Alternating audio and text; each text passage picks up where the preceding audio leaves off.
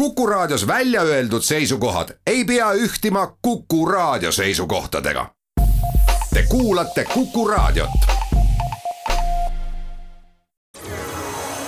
loodusajakiri, vaata ka looduseajakiri.ee. tere kõigile teile, head Kuku Raadio kuulajad. loodusajakiri alustab. täna on saates külas ajakirja Eesti Loodus peatoimetaja. tere, Toomas Kukk. tervist. saatejuht on Tiiu Rööp seekordse saatega tutvustame ajakirja Eesti Loodus novembrinumbri sisu. selle keskseks teemaks on meie maavarad ja nende säästlik, läbimõeldud kasutamine. aga enne, kui hakkame põhiteemat käsitlevaid artikleid tutvustama, tooksin esile ühe minu lemmikrubriikidest. see on Kuu looduses, kirjutab seda Piret Pappel ning novembrikuu puhul juhib ta meie tähelepanu tali, külma ja hallvaksikutele ning vahtra tutlastele kes on kõik üsna tagasihoidliku välimusega liblikad, tavaliselt saavad selgrootud tähelepanu siis, kui neil on silmatorkav välimus või kui nad on inimese jaoks kuidagi ebamugavad. ning veel kirjutab Piret sellest, et novembrikuu on lõheliste kudemisaeg ja virmaliste hooaeg.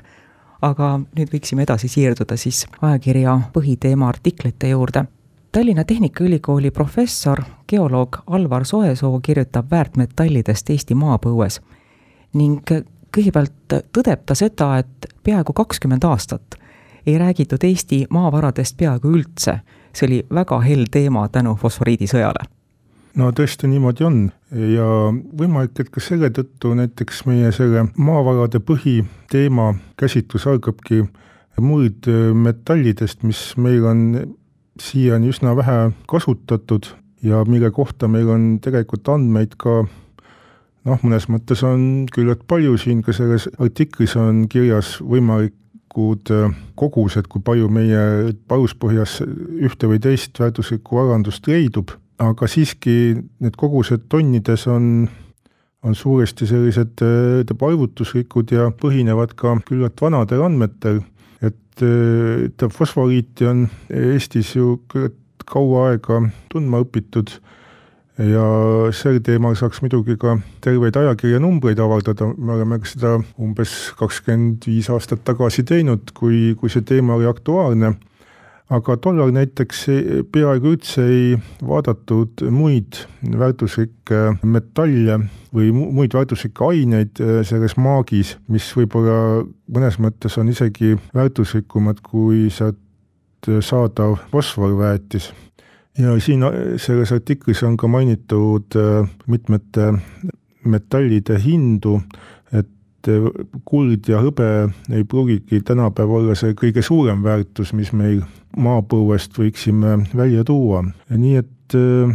see teema, mis puudutab siis muldmetalle, muutub üha aktuaalsemaks, kuivõrd meie rohepööre ja, ja ka näiteks päikseenergeetika nõuab mitmeid haruldasi muldmetalle ja üha suuremas koguses, mis tuleb kuskilt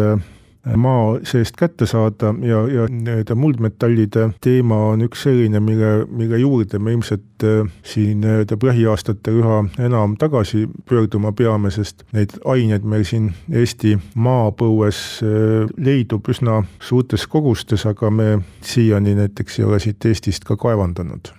siin äh, mitmes kirjutises on mainitud seda, et Euroopa kõige võimsam muldmetallide tehas on Eestis, Sillamäel aga see ei tarvita kohapealset toorainet, vaid see kõik tuuakse mujalt sisse, nii et, et meil on siin kindlasti selliseid arenguvõimalusi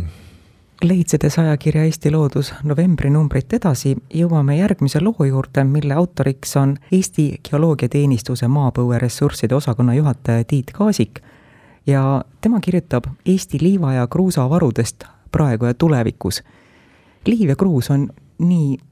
kuidagi tavalised maavarad, et need inimesed, kes ei ole ehitussektoris, ei, ei mõtle nende peale kui oluliste maavarade peale. tõesti,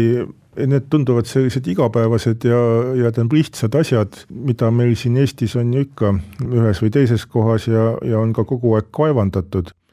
tegelikult on muidugi, mis puudutab nii liiva kui kruusa, on neid mitmesuguse väärtusega mitmeteks asjadeks sobivaid. Kruus võib olla näiteks kas täitekruus või ehituseks mõeldud, sama on ka liivaga, väärtuslikum näiteks on ehitusliiv, aga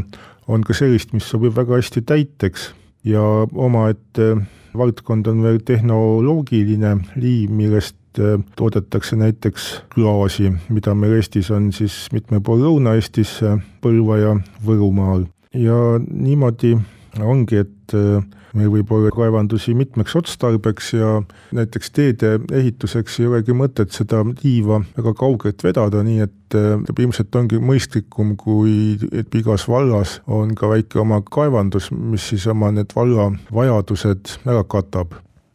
Jaanus Terasmaa, Tallinna Ülikooli professor, kutsub üles allikaid kaardistama. tema artiklist äh, leidsin ma kaks enda jaoks üllatavat fakti. hinnanguliselt on Eestis viisteist tuhat allikat, riiklikusse registrisse on kantud nendest äh, umbes tuhat viissada ja me võime mõelda, et mis allikal sellest, kas ta on riiklikus registris ja, ja kas ta on põhikaardil ka märgitud, aga tuleb välja, et sellest sõltub väga palju allikale. ja teine asi, mis jäi mulle silma, on see, et meie teadmised allika vee kvaliteedi kohta on üsna, üsna puudulikud ja nii võib juhtuda, et mõni allikas, kus inimesed käivad vett võtmas ja, ja joovad seda kui midagi tervistavat, et selles võib olla pestitsiide rohkem kui tarvis, selles võib olla kolibakterit ja enterokokki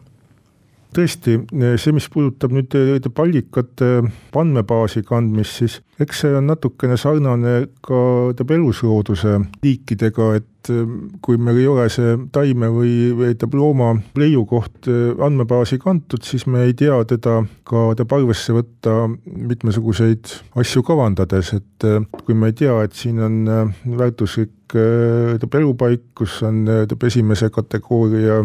liike, siis mingit kaevandust äh, kavandades võib selline koht saada pöördumatu kahjustuse ja, ja võib-olla oleks äh, olnud sobilikum, kui eks ole, kaevandus oleks tehtud veidikene maad mujale. ja sama on ka pallikatega, et, äh, et neid on väga mitmesuguse suurusega, tootlikkusega on väikseid ja, ja, ja selliseid, mis tegutsevad ainult ajutiselt, näiteks kevadel või sügisel, kui on äh, vett äh, rohkem ja on selliseid, mis on väga tuntud ja ammu teada, küllap siin aastakümnete pikkune maaparandus on seda kunagist äh, pilti väga palju muutnud ja, ja ma saan täiesti aru, miks see miks see allikate nii-öelda andmebaasi kandmine on selline aeganõudev ja töömahukas asi, selles kirjutises on ka kirjeldatud pallikade uurijate välitöid Koiva piirkonnas ja see tõesti, kui tahta allika kohta mitmesuguseid andmeid koguda, siis on küllaltki aeganõudev tegevus. Aga mis puudutab allika vee joodavust, siis äh, ma jah, ei ole ka tähendab ise kunagi aru saanud neist inimestest, kes on veendunud, et tähendab allikast vee joomine on väga tervislik ja samuti ma olen mõelnud, et kui ütleb üks või teine kiidab oma kodukoha allikavett, et see maitseb kuidagi väga hästi, siis see maitse võibki tulla liigsest soolade ja muude ainete kontsentratsioonist. Kindlasti selline ühe või kahekordne joomine ühest allikast nüüd vaevalt väga suurt kahju tekitab, aga kui tõesti nädalate-kuude kaupa ainult ühte allikavett juua, mis võib tegelikult osutuda küllaltki reostunuks, siis sellel võivad olla tõesti ka ebameeldivad tulemused. loodusajakiri, vaata ka looduseajakiri.ee loodusajakiri on pausilt tagasi, Kuku raadio stuudios on ajakirja Eesti Loodus peatoimetaja Toomas Kukk ja saatejuht Tiia Rööp. liigume ajakirja Eesti Loodus novembrinumbri tutvustamisega edasi Eesti Maaülikooli emeriitprofessor, mullateadlane Raimo Kõlli kirjutab loodusele ja inimesele vajalikest muldkatte talitlustest. juhib ta meie tähelepanu sellele, et muldkatte on väärtuslik loodusvara. jälle üks asi, millele me vist igapäevaselt ei mõtle. kahjuks tõesti, võib-olla teab mullale mõtlevad rohkem põllumehed, kellel on see tootmisvahend, võib-olla ka metsakasvatajad, aga me igapäevaselt Äh, ei oska ta mulda piisavalt väärtustada, mis väljendub ka selles, et äh, muld äh, võib mingites puistangutes sattuda kõige põhja või mulda kaetakse näiteks asfaldi või kividega, mida kindlasti teha ei, ei tohiks, see muld tuleks ikkagi sellise puhul sealt ennem kätte saada ja suunata siis kuhugi muldkatte noh, täiendamiseks kas või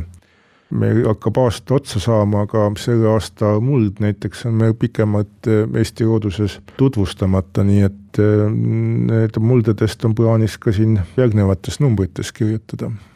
järgmine lugu, mille leiab ajakirja Eesti Loodus novembri numbrist, on pealkirjaga Läänemaa suursoo, ühe suure madalsoo lugu. selle autoriks on Raimo Pajula Tallinna Ülikooli ökoloogiakeskusest